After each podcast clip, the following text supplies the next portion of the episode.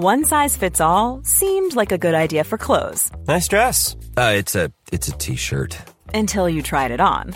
Same goes for your healthcare. That's why United Healthcare offers a variety of flexible, budget friendly coverage for medical, vision, dental, and more. So, whether you're between jobs, coming off a parent's plan, or even missed open enrollment, you can find the plan that fits you best. Find out more about United Healthcare coverage at uh1.com. That's uh1.com. Hey, it's Sharon, and here's where it gets interesting. Raise your hand if you want salon perfect nails for just $2 a manicure. Yeah, me too. With the Olive and June Manny system, you can say goodbye to expensive services that take hours and hours and love your nails more than ever. I would know I've been doing it for years. Get 20% off your first Manny system with code PERFECTManny20 at oliveandjune.com slash PERFECTManny20. That's PERFECTManny20 at oliveandjune.com slash PERFECTManny20. Hallå! Simon Gärdenfors heter jag och snart börjar min podcast Arkivsamtal. Om du lyssnar på det här idag när detta släpps så missa inte att jag headlinar Mafia Super Weekend ikväll. Stand-up comedy lördagen den 5 november på Scandic Malmen i Stockholm. Googla för att fixa biljetter till det gigget.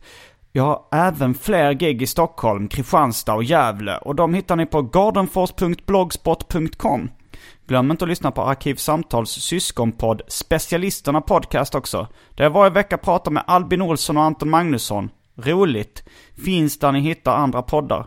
Sen kan ni också följa mig på till exempel eh, Twitter, Instagram och Snapchat. Det heter atgardenfors. Och ni som känner för det kan slänga in en dollar eller två på patreon.com slash arkivsamtal om ni vill stödja den här podden ekonomiskt. Men nu kommer Arkivsamtal som klipps av den mycket skickliga Mattias Lundvall. Mycket nöje!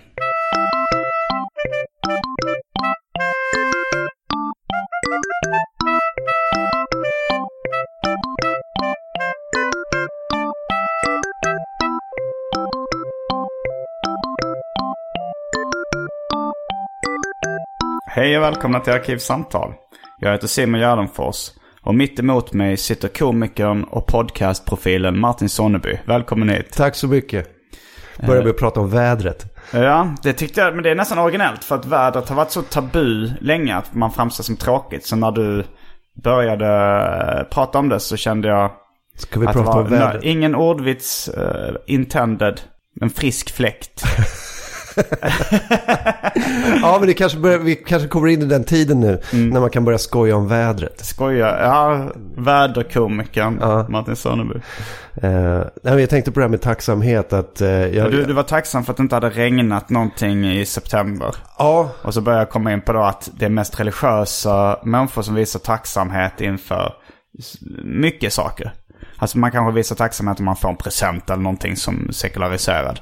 Men att ta en stund för andakt för maten som står på bordet. den eller... vardagstacksamheten. Ja, men fr- ja, frågan är om den blir så vardaglig då. Att man bara säger det ungefär som att man...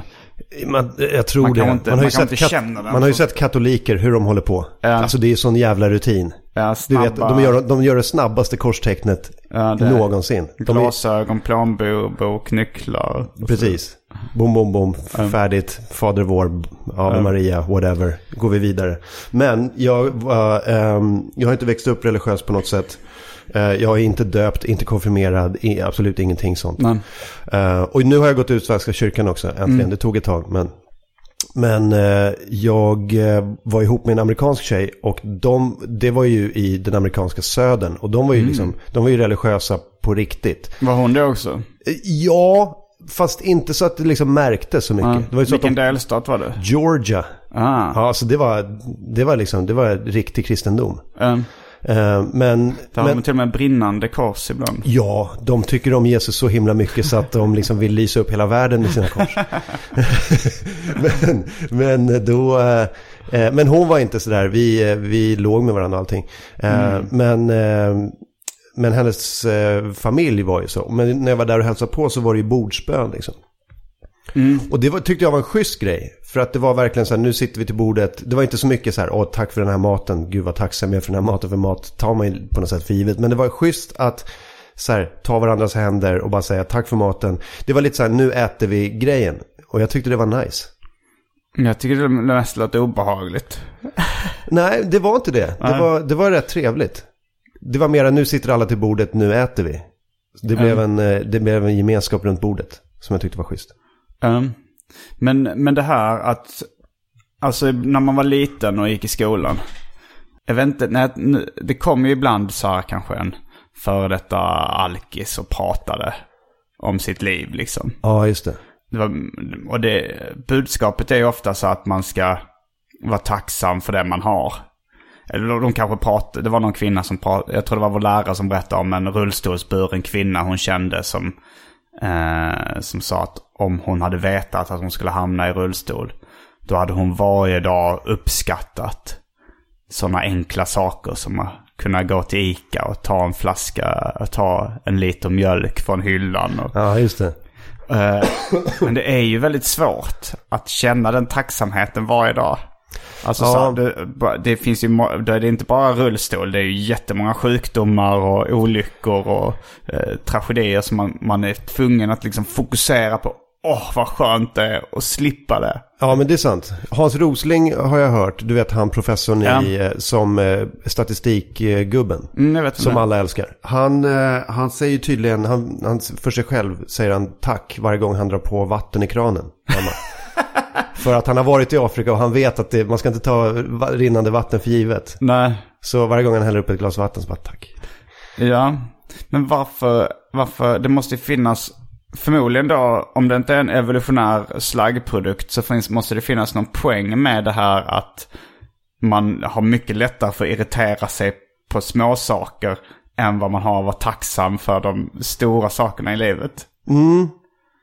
Det är ju så konstigt. Alltså det, det, det känns som att det... Eh, har det någonsin varit en evolutionär fördel att gå runt och vara lite gnällig? Så, man men det är det väl. Den Man- personen vill jag ligga med, den här gnälliga jäveln. Nej men jag tänker, jag Jag tänker vill man ha barn med någon som alltid klagar. men, men jag tänker mig att man kanske, man måste väl hitta någon balans i det där. Så man ska vara tacksam för det man har. Men också, man ska ju alltid sträva efter någonting bättre. Man, man, man sitter där och bara, ah, fan den här lägenheten, eh, jag skulle kunna liksom ha någonting bättre. Det skulle vara schysst med ett rum till. Jo, i och för sig en, en, eh, en väldigt nöjd och tacksam person. Det är så här, varför ska jag gå upp på sängen? Det är jätteskönt att ligga här. Ja, jag är tacksam Varför för mina... jag har torra lakan. Eller torra, jag, bajsade ner mig. Men det är ändå liksom, jag har ändå tak över huvudet. Jag ligger här i bajs, men jag, jag kunde ligga på, i bajs på gatan. Så det här är ändå bra. Okej, nu förstår jag den evolutionära fördelen. Ja, ja så att man Varför måste... ska jag svälja mitt saliv?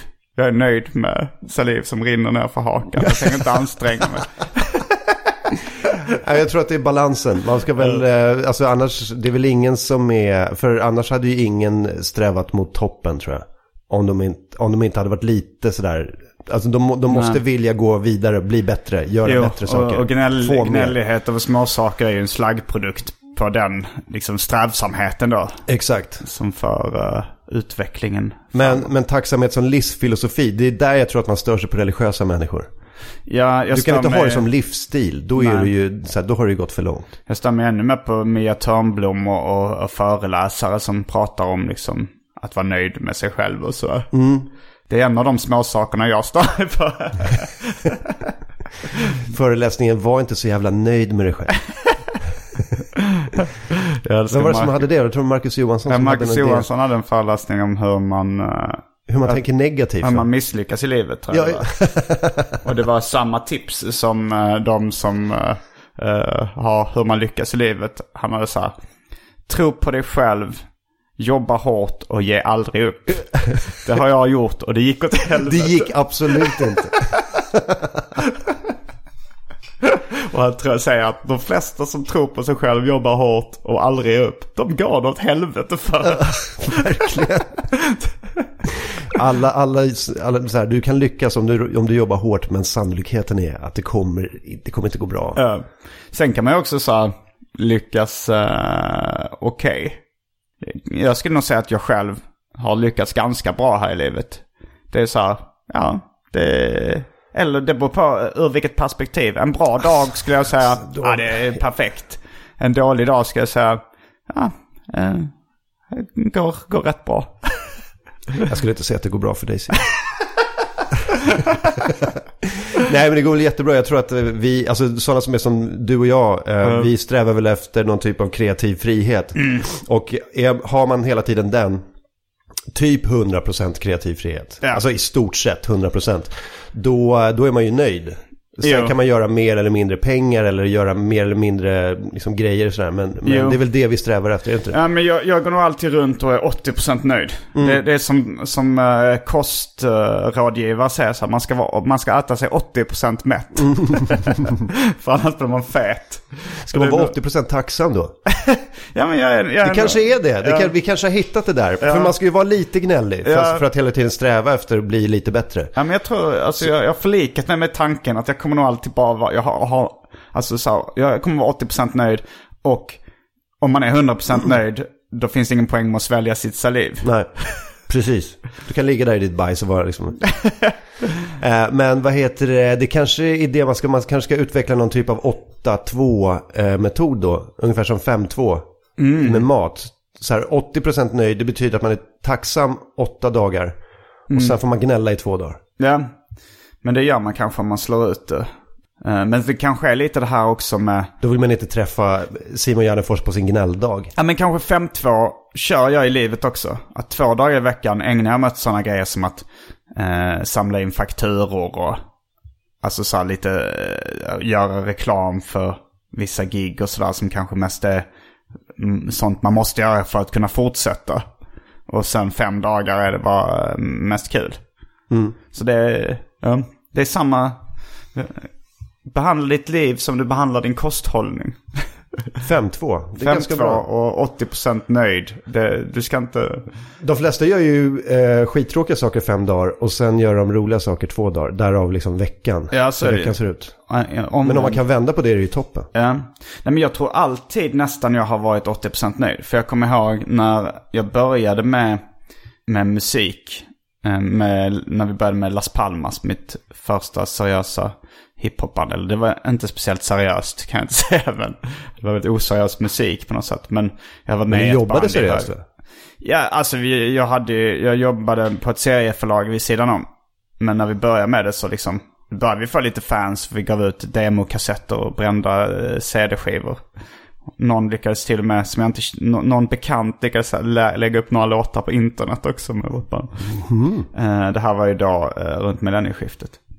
Men, eh, men då kommer jag ihåg att då fick jag lite fans där och, och vi fick spela liksom. Det var mer så att de betalade boende och resa och, och slapp punkgryta liksom på sådana ställen. Vad är det? Eh, Punkgryta det är i musikersammanhang. Det är liksom punkare, de kokar ihop. Det, det är väl ofta bara att man slänger i lite bönor och tomatsås kanske. Kanske lite pasta. Alltså det är jävligt äckligt. Det är den billigaste formen av personalmat de ger backstage på spelningar. Jaha, okej. Det är ingenting som ni lagade själva då? Nej. Eh, men det, det, det är väl liksom pastasallad. Det är väl också en rätt vanlig variant av uh, billigaste formen av personalmat. Men, eh, men då kommer jag ihåg att jag sa till min dåvarande flickvän så här, "Ja, men jag är nöjd med den här typen av uh, berömmelse och sånt där. Jag tycker det känns rätt skönt. För det finns ju någon form av övre gräns när det bara är jobbigt. Jag kan tänka mig att vara, eh, att vara Britney Spears eller eh, Justin Bieber. Det är nog inte jättekul. Nej, Alltså, men, det, men, det, men det är nog så här, kändisskap tror jag att man likt Ikaros vill flyga närmare solen hela tiden och det blir skönare och skönare och varmare och varmare. Och sen så når man en kritisk gräns när, ah, nu har det gått överstyr det här. Men, men man kommer nog alltid liksom sträva lite efter så här, ah, men jag vill ha lite eh, mer publik, jag vill ha större...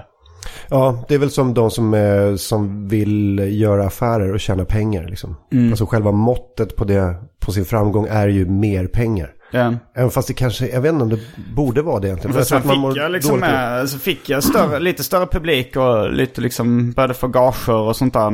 Och då så sa då min eh, dåvarande flickvän att så, här- så sa jag även då, "Ja, men jag är nöjd med som det är nu.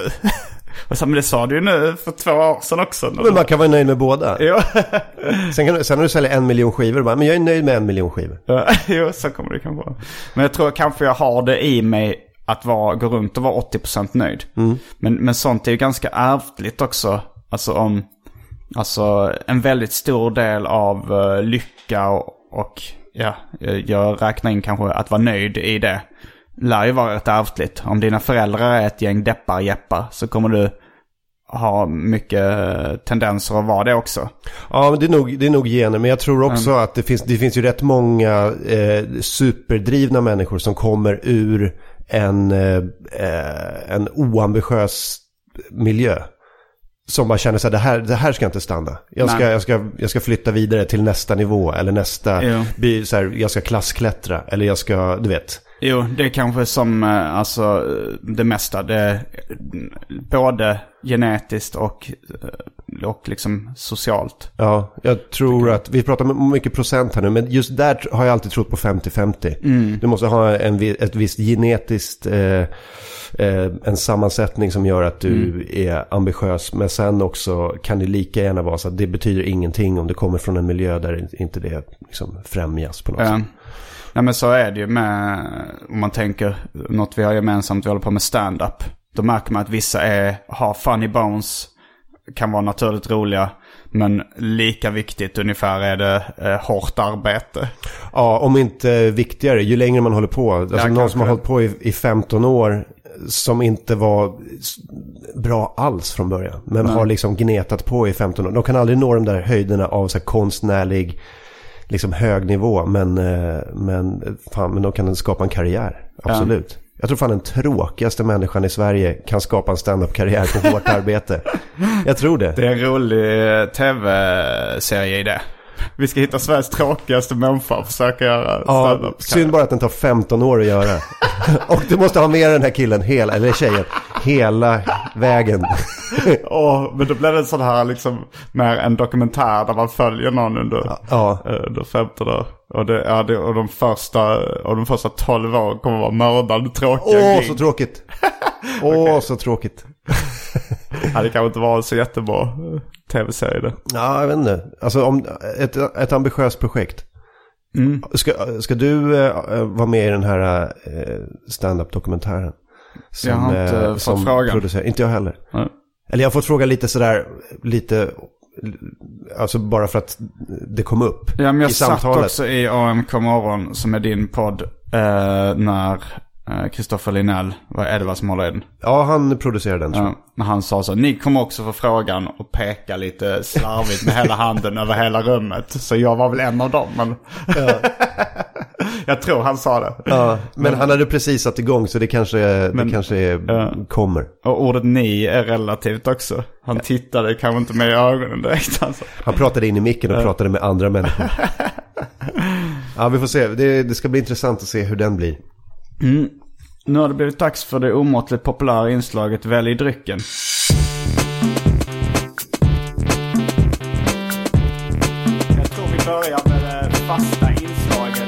Välj drycken!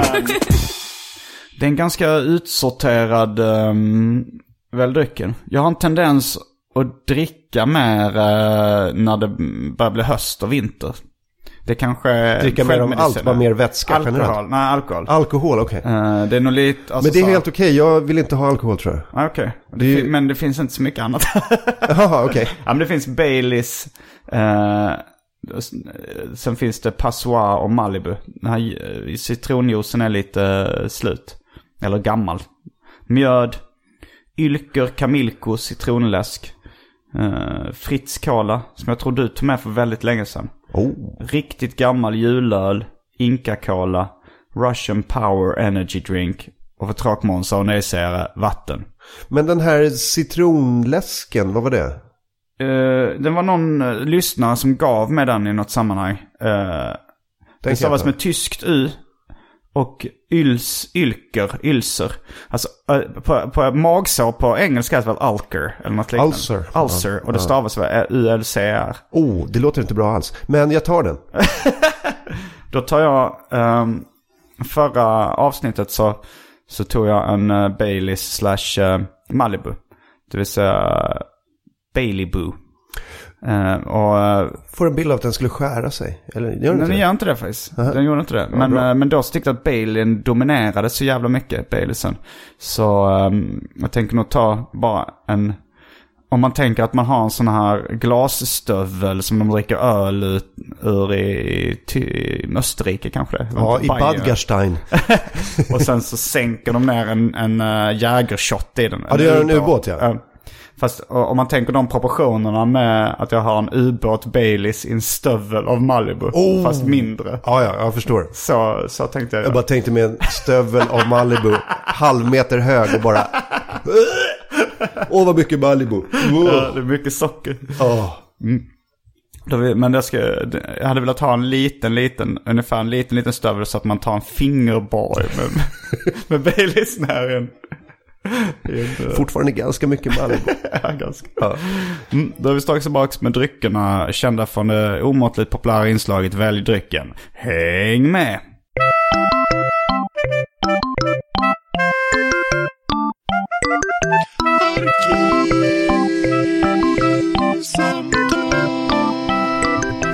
Då är vi tillbaks. Den stavades med K, Ylker. Det var inte C. Lemon flavored fizzy drink. Den här är jättegod. Den var det? Mm. I en liten glasflaska också. Känns eh, lyxigt om man eh, pratar läsk eh, spektrat.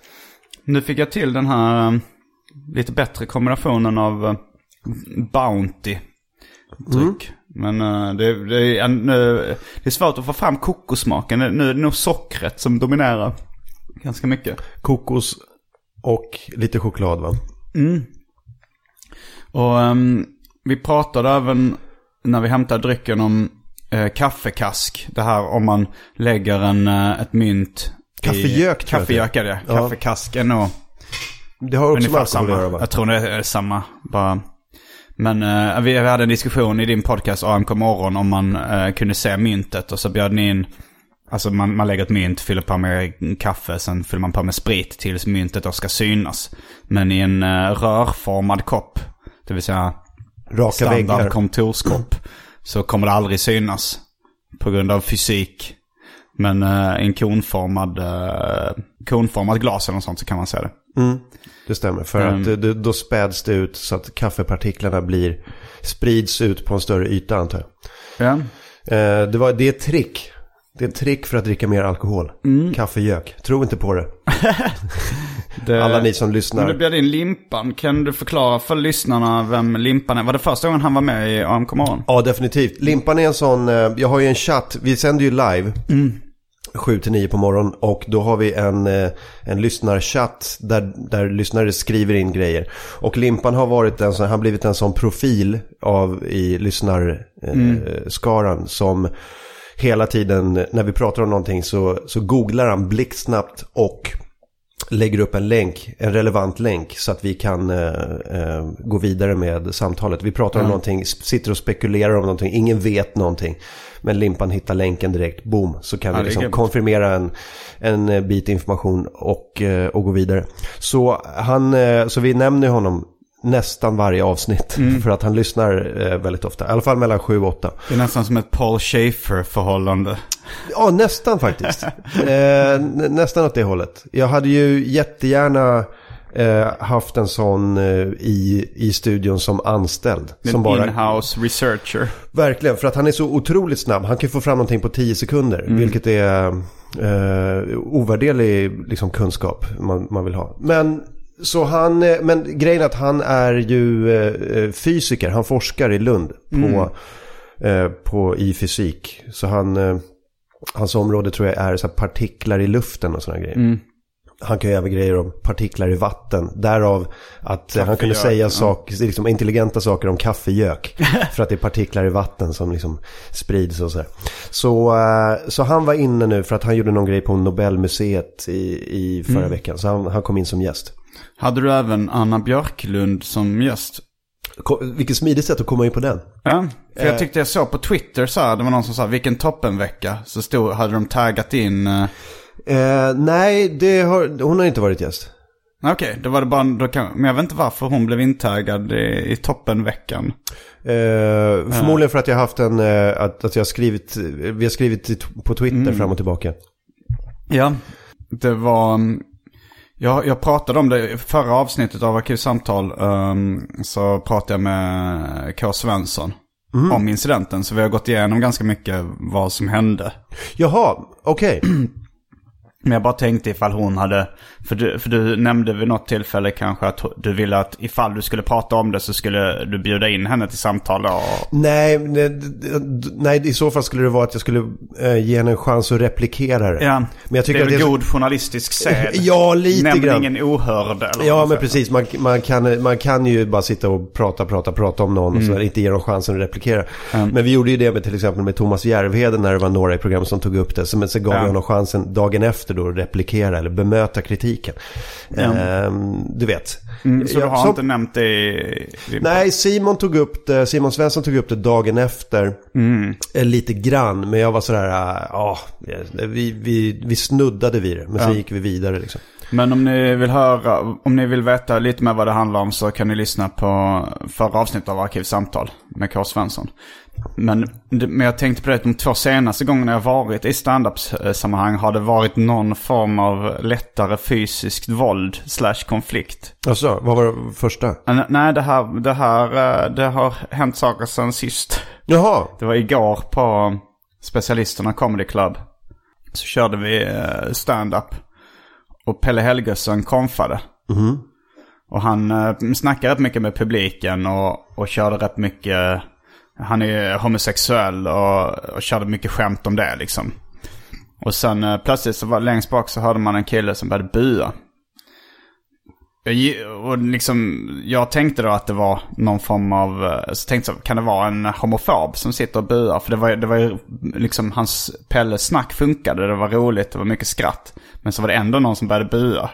Och då, då drog Pelle liksom, han kör, han, man hatar, jag har också kanske någon tillfälle varit med om någon har buat och det är, det är fruktansvärt, alltså det gör ju ont liksom.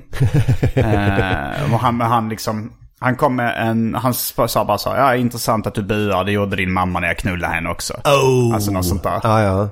Var på, i den här killen reser sig från stolen efter ett tag. Och går fram till scenen.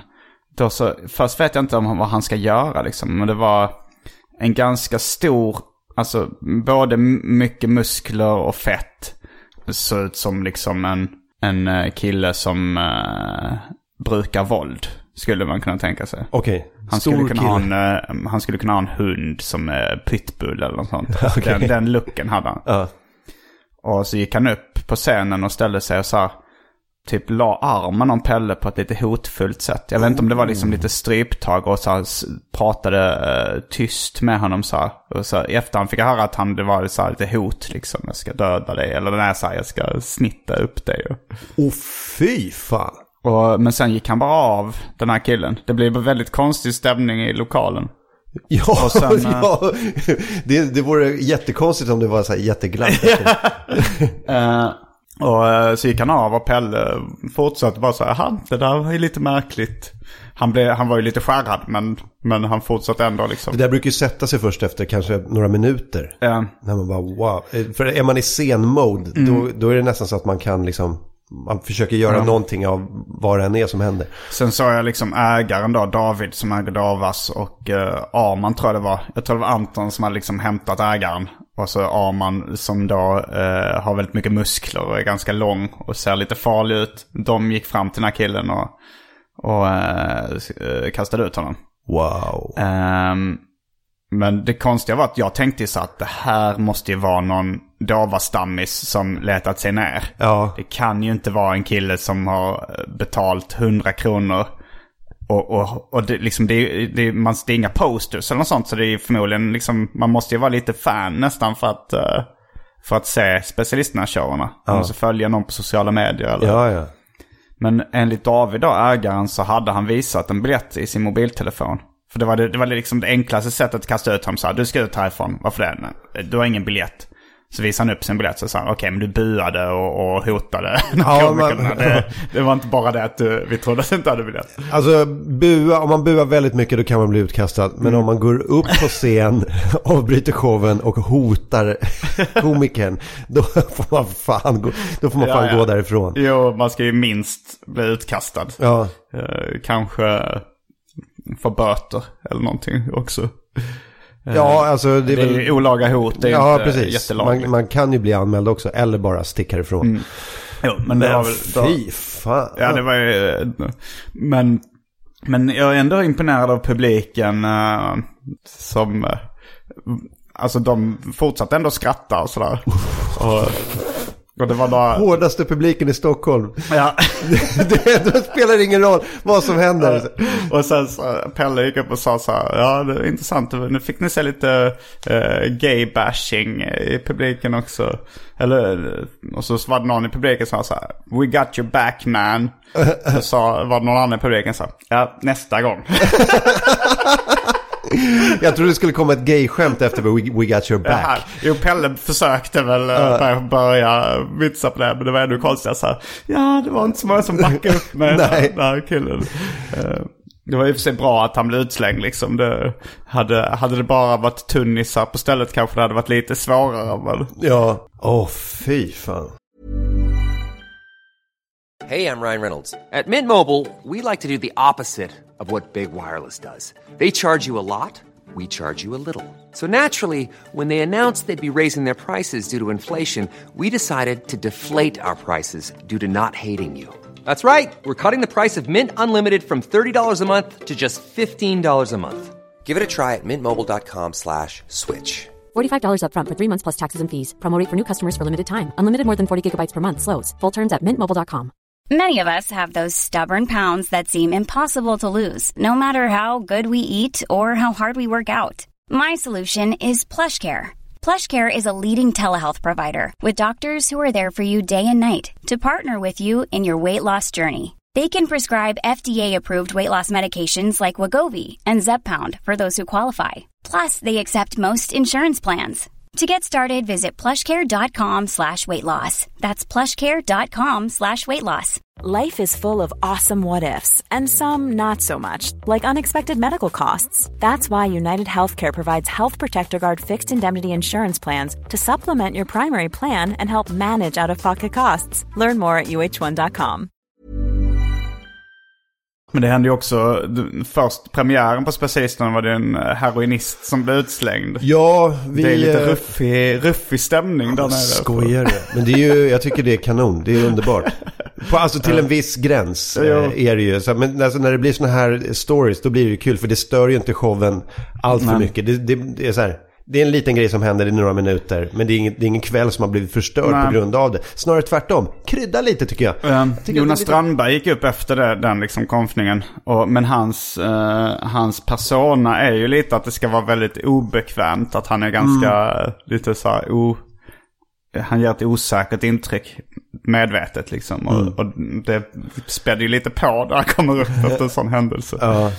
Eh, och sen Pelle, han, eh, han fortsatte konfa och söp till rätt rejält. Det brukar han i och för sig göra även när han inte blev mordhotad. Men han sluddrar ju rätt, rätt mycket när han kom. Åh, jag måste döva den här chocken av ett mordhot.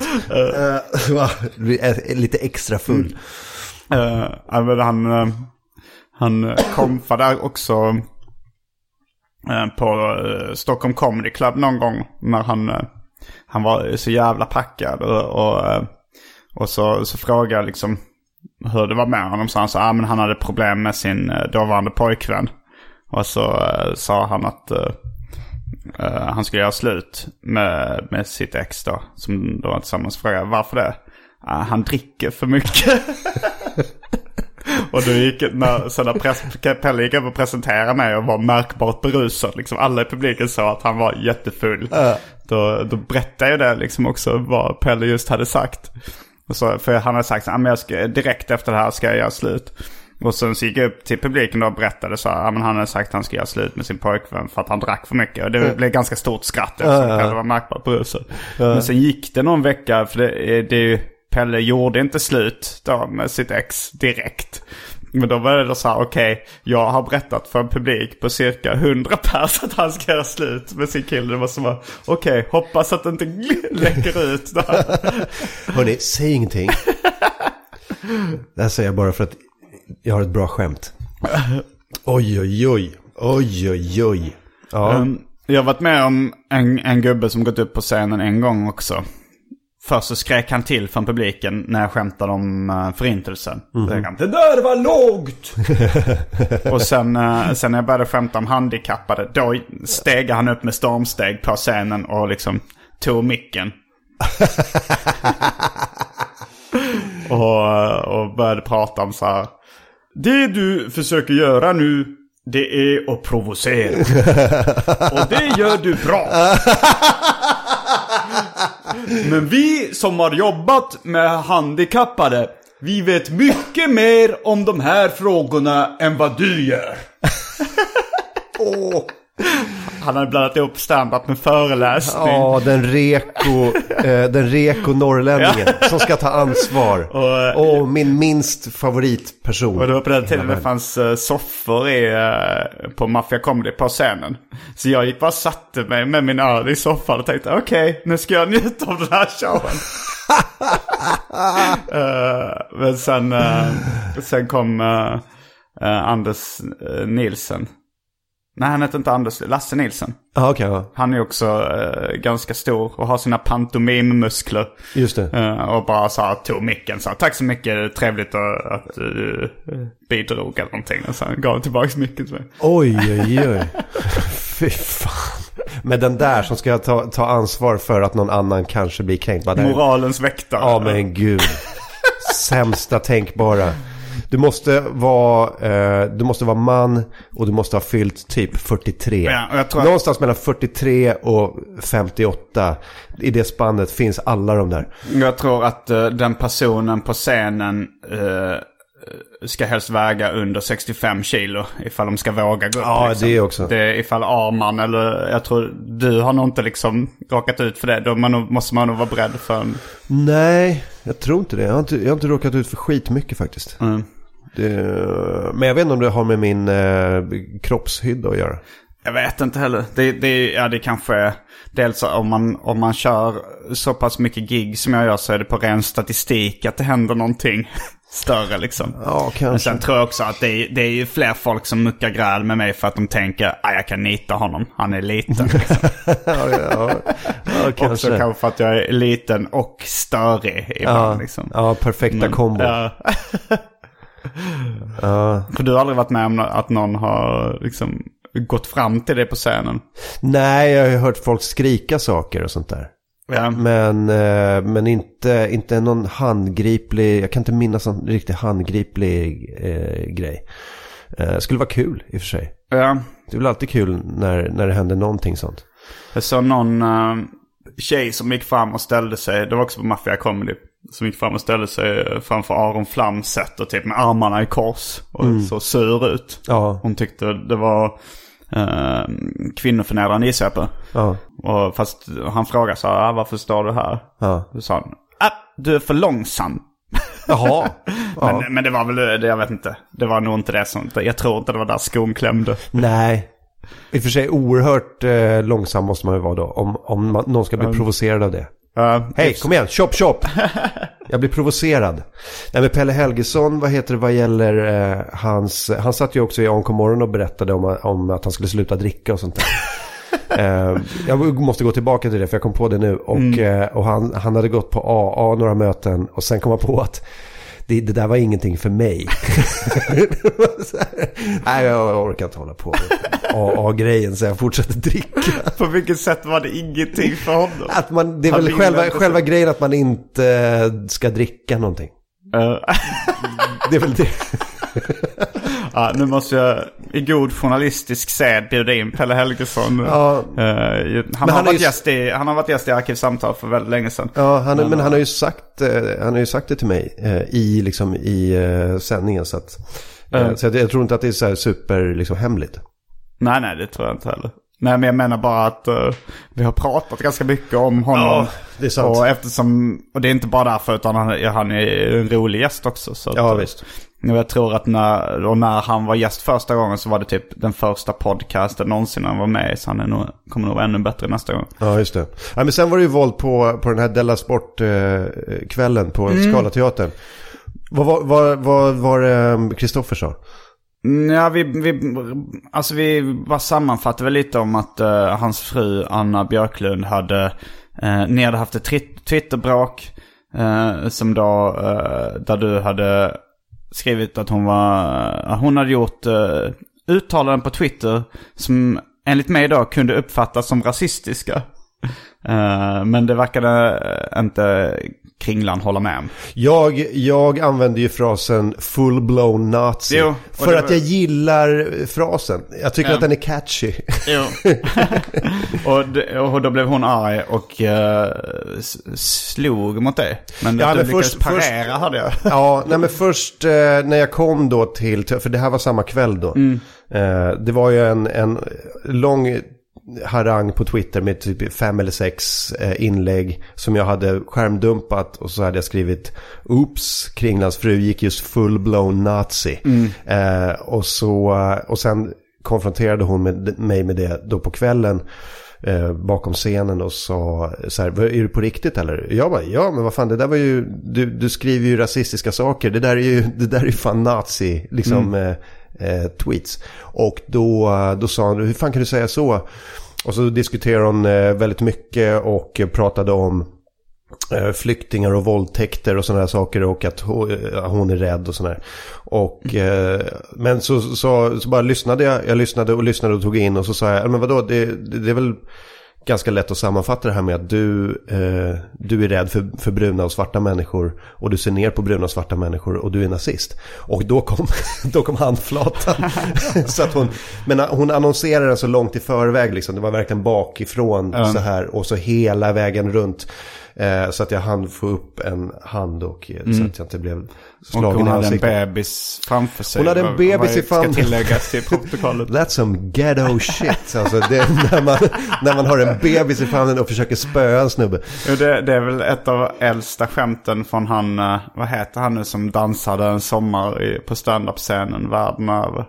Som hade roliga imitationer. Världen över. Ja, han, eh, Pablo Francisco. ja Pablo Francisco. Oj, men det var inte Dansade en sommar. Han höll ju på hur länge som helst. Jo, Men han hade, grejen var att han hade... Han, han hade en, peak. Han hade, en, jo, han hade en peak, men han hade framförallt bara en halvtimme som han gjorde i 15 år. Ja, det kanske är det. Eh, Det var men då, det som var grejen. Men då, då så har han ett skämt där det är så här, han härmar, jag tror han har en latinamerikansk flickvän. Just och så det. härmar han liksom hur hon och hennes väninna bråkar. Och så är det så här, eh, då, eh, de skriker på varandra. Ja, just hotfulla, det. Och sen så här, hold my baby. Just det. Liksom det, det, Ja. det rycker under mattan att hon hela tiden har haft en bebis i famnen. Just det. Hey papi, hold my baby. Men han, på den specialen jag sett filmad med Pablo Francisco så säger han, efter just den slutklämmen så säger han Oh god, that old, joke is old. ja. ja, just det. Ja, för han gjorde samma skämt i... Ja, fast det kanske var ett av hans första succé punchlines eller någonting. Som, Ja, det är möjligt. som han, för att eh, för mig var ju alla skämten nya. Som jag bara såg en filmad special. Ja, precis. Ja, Jag minns att det var en av de första liksom, eh, stand-up-showerna jag, jag eh, laddade ner som en mp3 från Mm. nätet. Alltså det var ju på 90-talet tror jag. Ja. Så det var långt innan Här är alla... det från 90-talet. Vad sa du? Är det, var det så? För jag såg nog den på 00-talet men... eh, Den, den Pablo Francisco-showen jag eh, laddade ner. Han pikade ju rätt mycket med, i och med MySpace. Så att då var det lättare att dela liksom klipp och sånt där. Så Mm. Nej, det här, var, det här var grejer från... Alltså det kan ha varit 99. Mm. Jag eh, hörde den här. Jag tror det. Eller 00. Nå, någonting runt där. Mm. Så det väldigt länge sedan. Men jag tror han, nog, han kanske drabbades av det det svåra andra albumet. Som aldrig kom. Nej, det kan aldrig kom. Eh, men även om han, han kanske turnerade med en special efter då den här. Som man, eller jag vet inte, det är ju inte alla som gör så här en timme. Sen kommer det en ny timme med bara nytt material. Som Jerry Seinfeld byter ju bara ut 10% år efter år. Så, så att det är mycket gammalt liksom. Men det kanske Pablo Francisco gör också. Jag vet inte.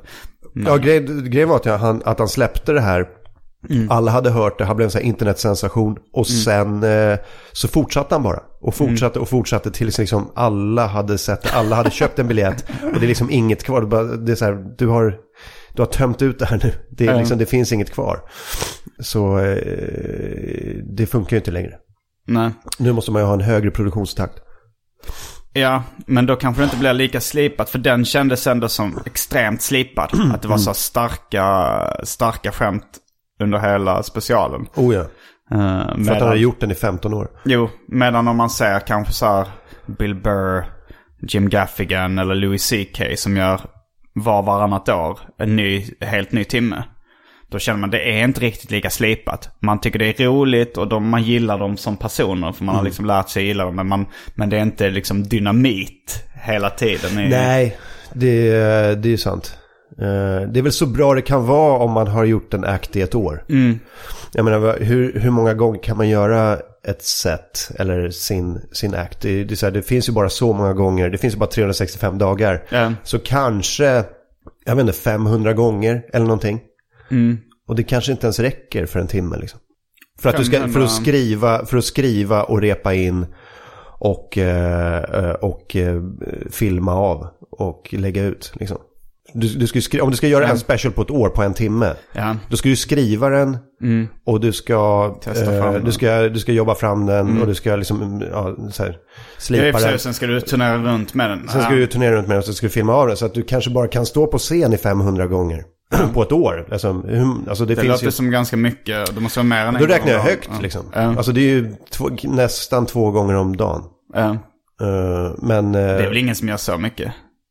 Ja, jag vet inte, New York-komiker och London-komiker kan göra är fyra om som dagen. Liksom. gör inte, de gör inte två specials om dagen då. Nej, nej, nej, gud nej. Nej, nej, oh, nej, ja. Mm. oh, nej. Men du står på scen och jobbar fram ditt material. Men du har ju kanske bara högt räknat Mm. 500 gånger på dig. Liksom.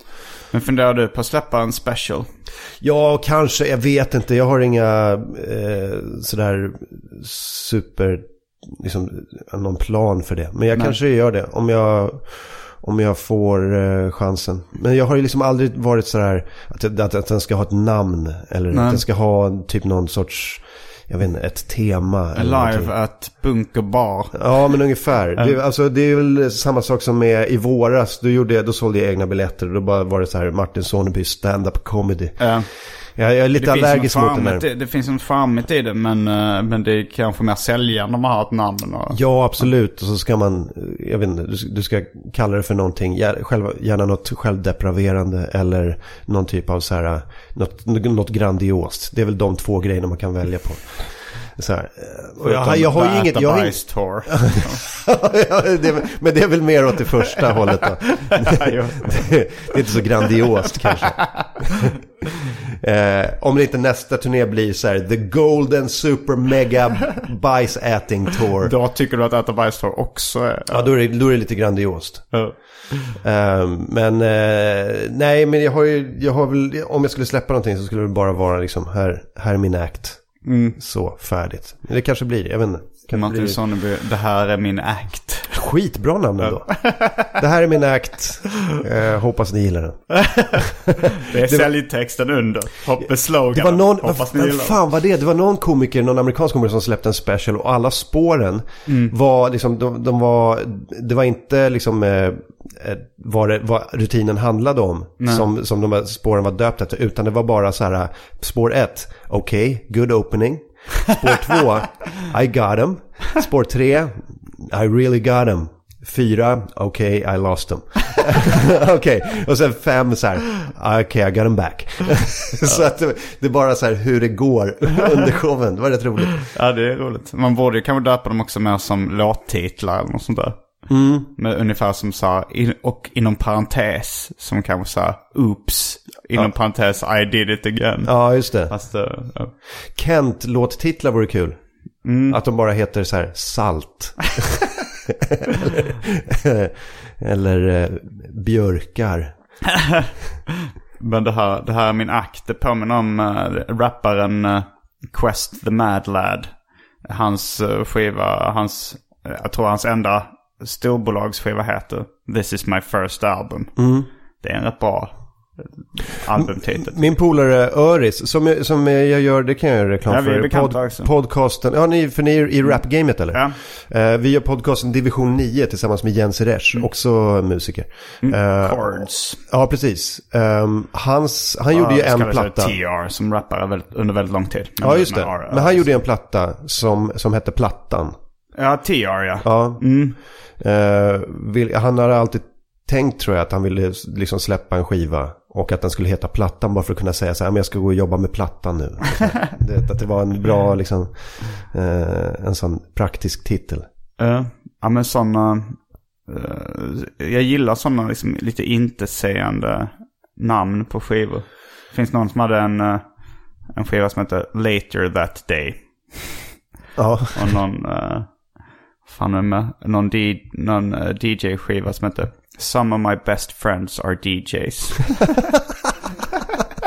var det någon typ av så här, driva med antirasism? ja, jag antar det. Jag. Eh, men jag, gillar, jag gillar Doug Stanhopes eh, titel på en skiva som, han, som hette Before Turning the Gun on Himself. ja, det är bra nu. Ja, snyggt. Jag gillar också Bill Burrs I'm really sorry you feel that way.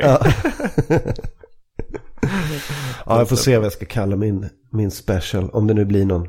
Men jag kanske, om jag samlar ihop allt material från, från kanske 2013, 14 tar de, de bästa bitarna därifrån och, och det som jag har gjort det här senaste året, då kanske jag har en 40-50 minuter som är liksom släppvänligt. Det är inte omöjligt. Men det ska vara så jävla slipat då känner jag. Eh, Jag är lite nervös för det. Jag vill inte släppa något half-assed. Bara så här, här, här har jag spelat in ett gig liksom. Och förmodligen inte, vill jag inte filma av det. För att det ska, det ska till jävligt mycket innan en filmproduktion ska bli bra. Liksom. Ja. Ehm, med, eh, då, är- då är hellre bara ljudet. Ja, men, eh, men det, det är svårt det där liksom att om man skjuter upp det för länge också så får man så höga pretensioner på hur bra det ska vara. Jo. Men om man bara får ut någonting som känns så här, ah, bra nog. Då kan man gå vidare och så, nästa grej kommer att bli bättre. Ja, och så, det är så sant. är en, får man en utveckling på grund av att man släppte. Jo, absolut. Som Def Leppard som sitter med liksom en skiva i sex år. För att skruva på hi-hat-nivåerna i nio månader. Bara så här, tss, tss, tss, nej, nej, tss, tss, från februari till Men det december. går ju inte att göra det. Alltså det går inte att leva upp till förväntningar efter ett tag. Men så här Chinese Democracy eller Ja, Dr. gud. Dres eh, Detox eller vad den skulle heta. Skiva. Så till slut så är det så här, nej men det är lika bra att släppa den för folk har för höga förväntningar. Mm. Liksom. Man, man kommer alltid vara så här, tio år för det här? Ja. Ja men Chinese Democracy, var det ens någon som lyssnade på den? Eller släppte, Den släppte, släpptes den släpptes? Ja. Den, den måste ju ha varit horribel. Ja, jag har ingen aning. Jag lyssnar inte på den typen av musik i alla fall. Nej. Eh, men, eh, men det kan väl inte varit så. Det, det är väl ingenting som har liksom har levt upp till förväntningarna som har varit så här. Det finns väl uh, Smile-plattan av Beach Boys som släpptes 27 år efter utsatt datum eller någonting. Men den hade läckt ut i olika former eh, innan liksom. Så det kom inte som en kalldusch riktigt hur den lät när den väl var kvar, klar. Ja, okej. Nu är inte jag expert på Men de satt, Boys. satt men- de och jobbade på den i 27 år? Nej. Nej, det var väl att, eh, vad heter han? Jag såg, jag såg en, en, spe, en sån här biopic om uh, frontfiguren i Beach Boys, eh, Brian Wilson. Som, alltså han fick väldigt mycket psykiska problem.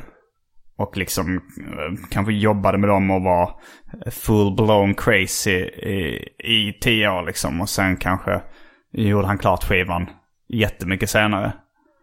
Eh, så det var nog det som var problemet snarare än att han satt och intensivt finslipade den nu. Huh. Ja, ja det, det, det ska nog till, alltså alla sådana där grejer, eh, eller såklart inte alla, men det är väldigt många sådana där klassiska poplåtar eller filmer som Ja. har kommit till under en väldigt, väldigt koncentrerad period av, av så här, total jävla genialitet. Alltså, jag hörde om eh, Taxi, han som skrev manuset till Taxi Driver. Han skrev Taxi Driver på typ tre dagar eller någonting. Jag vet inte om det är en myt eller Ja. inte. Men det finns ju någon som faktiskt har gjort det. Han Bara, du vet, går in i någon sorts jävla magiskt stad, liksom, Jo. eh, sinnesstämning och sen bara skriver ut ett mästerverk på skitkort tid. Jo. Stallone skrev ju Rocky på en vecka. Mm. Det är också en sån här. Jo, eh, jo kan, man kan nog göra det. Alltså speciellt låtar tror jag att det kan vara det snabbaste. Ja, Jag hörde som Serge Gainsbourg skrev sina två största hits på samma natt. ja. Det var eh, Je t'aime moi non plus och någon annan låt. Och det var bara så han gick upp, han skrev den och sen kom den till. Och så råkade de två bli hans två största hits någonsin. Jag är rätt säker på att Bob Dylan, som är aktuell nu, ehm, eh, har skrivit rätt många klassiker ganska Ehm, fort också. Men låtar kan man ju skriva snabbt. Sen är det ju med, med filmmanus, tror jag man kan, alltså filmmanus och romaner. Det tar ju längre tid, det går ju inte att göra på en natt. Nej, det kan, du kanske kan göra utkastet på en natt men att sitta liksom finslipade. Men det finns ju sånt till exempel då On the Road. På väg eller på drift som det heter på svenska av eh, Jack Kerouac. Där skryter han ju ofta med så att han, han kickwriting. Att han så bara satt och var hög på chack och koffein och sen skrev den på några få dagar. Eller någon vecka. Men när man läser förordet, jag, jag har aldrig orkat ta mig igenom hela boken. För jag tyckte den var rätt tråkig när man väl kom igång. Men jag älskade att läsa förordet. Men då var det så att han hade i åratal försökt skriva den där boken. Och gjort många försök och misslyckats. Och sen lyckades han köra den i några sittningar liksom till slut. Men det var extremt mycket förberedelse. Ja, jag har hört, eh, jag, jag har aldrig pratat med någon författare om hur de jobbar. Men jag har hört om att eh, författare kan gå omkring och liksom, i ett år och inte skriva någonting och bara tänka och tänka så här. Gå igenom det i huvudet. Och sen sätter de sig ner och så kommer det en massa grejer liksom. Um, Eh, jag vet inte, jag har ingen aning hur det de är. kan skriva, skriva anteckningar då, men jag vet inte heller. Det, jag, jag har inte skrivit så mycket prosa, utan med tecknade serier. Det är mer tidskrävande att sitta och teckna det än att skriva det då.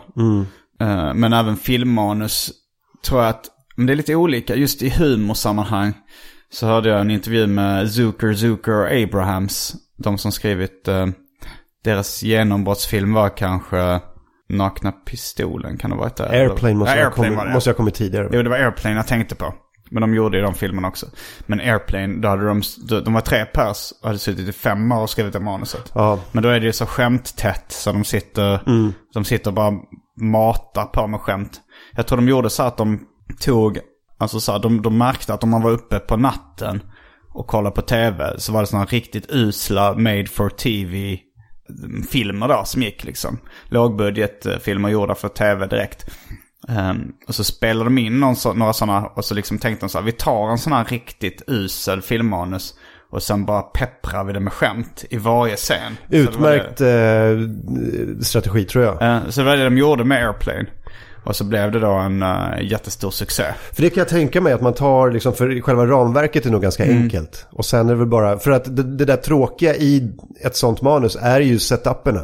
Eh, Och sen är det bara in med skämt liksom. eh, Eller bara och bara, det krävs ju skitmycket arbete. Men jag tror att det är en bra metod att ja, använda. på samma sätt som uh, Lucas Moodysson när han gjorde sin för, uh, fucking Armor då.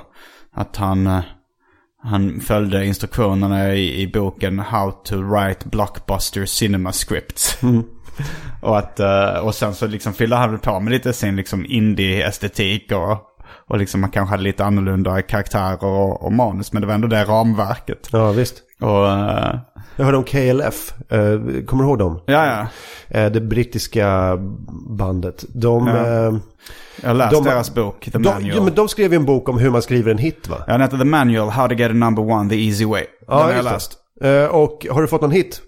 Har du använt deras tips? Ja, ja, jo det har jag faktiskt gjort. Men alltså jag, jag, jag har liksom, har haft med mig i, eh, i bakhuvudet. Jag har fått en number one på studentradio. Det är väl... men, eh, men, men liksom, det finns ju väldigt mycket praktiska grejer. Alltså de säger så här, okej. eh, en hit ska vara så här, intro, refräng, vers, refräng, vers, dubbelrefräng, Just outro. Ja. Alltså sådana strukturer. Har du en hårdrockslåt ska du gärna in ett eh, gitarrsolo där mellan... Eh, Kanske bryggan. ja, Jag kanske glömde bryggan innan dubbelrefräng. Eller, ja, du, och sånt. kanske ett stick också, eller? Jag vet inte, men jag kommer ihåg att någon gång när eh, jag gjort någon låt, de, någon far och son-låt så har vi sagt okej men vi följer den här strukturen och gör en radio, eh, radiostruktur liksom på låten. Och det, vi har ju fått en del hits men Eh, kanske inte en Englands etta som de nu syftade på. Nej, som det är, sin det är klart. Det ska det mer till än att, man Ja. bara följer manualen. Men det är väl en bra... Det sägs att Mike Skinner i The Streets har följt manualen. Mm. Och även, eh, om du kommer ihåg bandet Edelweiss med deras hit Bring Me Edelweiss. So if you really love me won't you bring me Edelweiss? Just det, självklart. De lär ha följt, eh, Men vad fan, det där är ju en ABBA-låt ju. det är det ju. Men det, Det- tror jag är ett eh, av tipsen är att man kan bara göra om den. Sno en ABBA-låt. Världens bästa manual. Eh, ett. Ja men gör Hitta om en den bra lite. låt. Gör, Ja. gör om den stimfri. Ja, just det. Ja, det, jag sjöng kanske SOS-melodin nu. Mm. Ja, men jag- Edelweiss kanske är lite annorlunda. Ja, just det. Men jag tror att den är väldigt lik, om, om det inte är Mm. en rip-off rakt av. Ja, det kan, kan det mycket väl vara. Ja, men det är, det är ju, det är kanske tips nummer ett. Om Ja. du kan sno en hit, Ja. gör det. Ja. Kan ju dra paralleller då till den kända låten Macarena och eh, Dubbel Margarita. Just det. Också lite, ganska lika. ganska lika. Eh, nu är ju Oasis på aktuella också med den här dokumentärfilmen eh, om, eh, om deras storhetstid. Men där, de fick ju skitmycket eh, sådana där gliringar om att de bara hade snott Beatles-låtar. Och De bara, ja, vad är problemet? det var, ta en Beatles-låt, eh, eh, vänd upp och ner på ackorden och eh, lägg till en egen text, färdigt, boom. Ja. Jag tror inte riktigt det var så enkelt för att hade det varit så då hade ju alla gjort det. Men Nej, det Men, finns ju det uttrycket amatörer de lånar, proffs de snor. Eh, och det ligger ju ganska mycket i det. Alltså jag kände att jag fick en sån här steget, alltså som serietecknare. Så var det, så fick jag liksom, jag levlade en nivå efter att ha läst en, eh, en så här intervjubok med, eh, med serietecknaren eh, Chris Ware. Som är då den mest uppburna i, i serievärlden just nu, liksom rent konstnärligt. Och han, han är grym liksom. Men jag tittar på hans grejer så här, jag fattar fan inte hur han kan göra. Han behärskar så jävla mycket olika stilar och, och liksom, och det är så extremt hög kvalitet på det. Och, så, och sen så läste jag så, det- var liksom två enkla tips. Det var så här, dels så la han mer tid. Han sa att det var, han tar ungefär eh, tre dagar på sig per sida. Han liksom så lägger eh, ungefär fem timmar på att skissa, ser så mycket på. Eh, och då tänkte jag, oj, om, undrar om mina serier skulle, skulle se ut om jag la så mycket tid på dem liksom bara. Och sen så var det andra grejer bara. Sen så snor han bara formen rakt av för någonting. Den, sen, den, så han, den snyggaste liksom utsidan då till eh, serietidningen Acme Novelty Library. Han sa så här. Ja, det här är en gammal eh, cigarrkartong. Om du har boken, eh, det finns en bok om gamla cigarrkartonger. Jag bara tog den, ritade av den och ändrade liksom rubriken till. Och så sa okej. Och sen så, så bara insåg man att alla hans snygga konstverk och, och rutor och sidor i stort sett är liksom mer eller mindre plagiat av andra bortglömda konstverk. Och då tänkte jag okej, men då gör jag det med, kan jag göra det med sånt jag tycker är snyggt. Liksom så hittar jag gamla godisförpackningar från Mexiko och Japan och bara tar dem och gör liksom om till. Och då bara så, oh shit. Och sen så la jag lite mer tid, så bara där levlar jag en nivå som serietecknare. Det blev så jävla mycket bättre. Ja, och om man berättade att så okej det här är baserat på en gammal eh, flingförpackning från Ukraina. Så det så här, ingen bryr sig om det. Nej. Nej. Alltså, för det blir ju alltid ens eget. Alltså, du kan ju, Ja. för det, det har jag sett många så här grafiska formgivare som, alltså de utgår ifrån någonting. De bara Mm. Ja. tar en grej.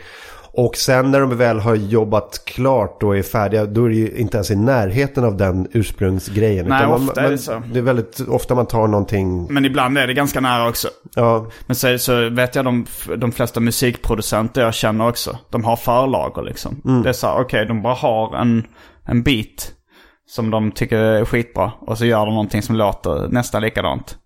Och när man lägger, och ofta liksom när någon annan rappare kommer på eller någon sång kommer på så tänker man inte på det.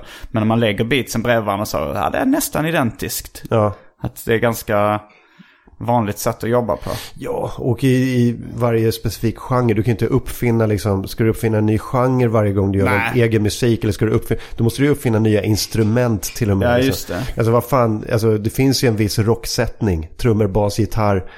Eventuellt keyboards. Alltså, jo, och sen så finns det ju alltså de här blues-tolvorna och, och ackorden och sånt. Ja, är visst, det är omöjligt att det inte vanligt liksom- med samma ackordföljd. Nej, men det, jag kan tänka mig att det blir krampaktigt när man ska försöka vara så jävla originell. Mm. Och så, så går inte. Jag har tänkt på det med...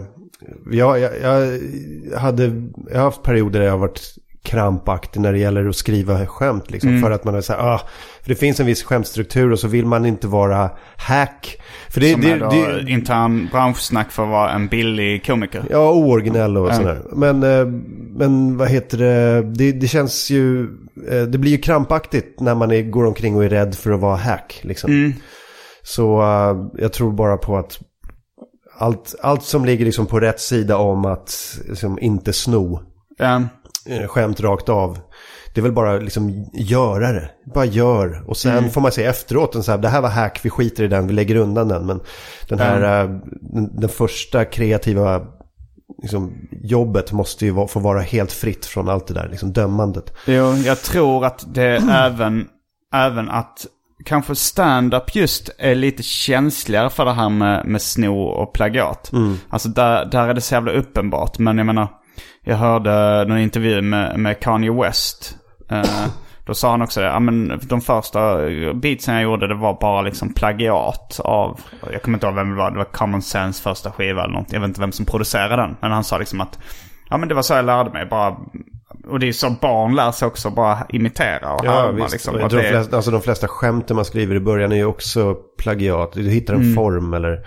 Ja. Eh, så man måste ju hitta formen. Och sen efter ett tag så måste man börja hitta Ja. sin, sin grej. Liksom. Men just när det är ordagranna one-liners, då blir det ju ganska pinsamt när någon går upp och drar liksom. Ja, gud Alltså, ja. ja. men det är ju... Det är, ja. nej, fy fan. Det, Mm. det går inte att göra. Nej, då, då, men då har jag med, jag ser hellre, alltså så här, i, i musik och konst så har jag inte alls samma, eh, samma dömande syn. Nej. Alltså på plagiat Nej. som jag har inom skämt av någon anledning. Jag hade någon sån här grej när jag var eh, precis i början att jag sk- skulle hålla mig borta från tv-skämt. För att det var någonting som alla komiker hade. Det var inte en komiker när jag började som inte hade en rutin om något tv-program. Och så jag var sådär, för fan det där alltså. Jag, jag, jag tänker inte vara som dem. Så jag höll mig borta från tv-skämt. Även om jag hade så här, fy fan vad det här är bra. Det här, jag har en sån bra grej på det här tv-programmet. Eller den här tv-grejen. Eller vad nu, och så, eh, men jag bara vägrade. Liksom, För att jag skulle, jag skulle vara den som inte hade tv-skämt. Ja, det har jag hört andra. Som Marcus Johansson skrev om att han i början inte ville skämta om sex. Ja. Han tyckte det var billigt. Och K. Svensson ville inte skämta om uh, bajs.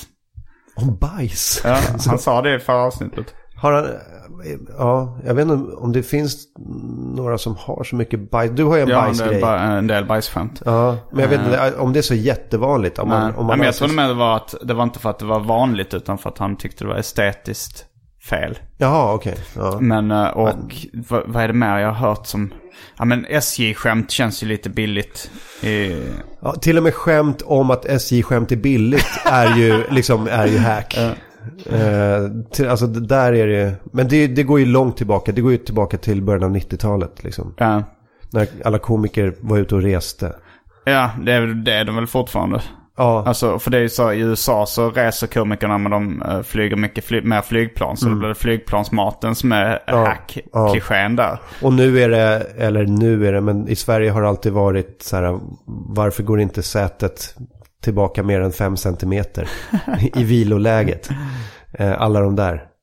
Eh, på Vad- SJ eller Ja, på... på SJ-tågen. Vad sena de är hela tiden. Ja, sen, att SJ är sena, det känns ju som det största hack-klichén. liksom. vi måste lägga ner det nu. Alltså, Ja, det, den är lite nedlagd. Ja, och det är nedlagt. Den- den vi är- måste till och med lägga ner eh, det här med att prata om att det är dåliga skämt. För att till och med det har blivit gammalt. Ja, det, är så, ja, det finns väl några sådana där. Och när jag, precis när jag började så var det två slutklämmar som också man blev trött på väldigt snabbt. Och det var Så nu är jag singel Mm. och så jag dödade honom. Eller så jag sköt honom. Mm. Det var liksom, de, de kunde folk klämma in. De berättade, alltså man, man hade någon rutin, man framstod som lite tokig. Ja, just det. Och sen sa man, så nu är jag singel. Ja, just det. Eller bara en ovanlig vändning. Åh, så sa han det.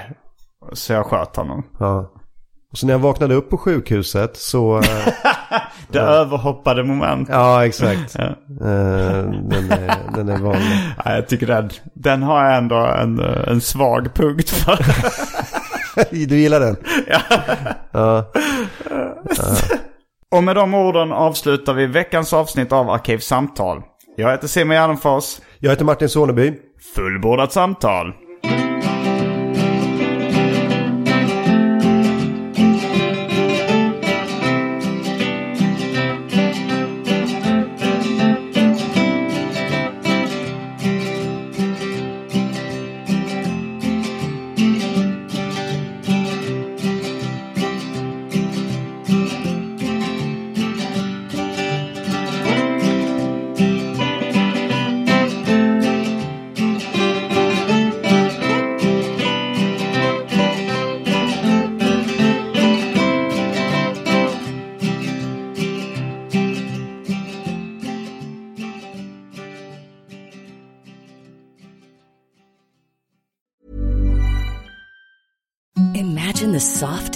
You've ever felt. Now imagine them getting even softer over time. That's what you'll feel with Bowl and Branch's organic cotton sheets. In a recent customer survey, 96% replied that Bowl and Branch sheets get softer with every wash. Start getting your best night's sleep in these sheets that get softer and softer for years to come. Try their sheets with a 30-night guarantee. Plus, get 15% off your first order at bowlandbranch.com. Code BUTTERY. Exclusions apply. See site for details.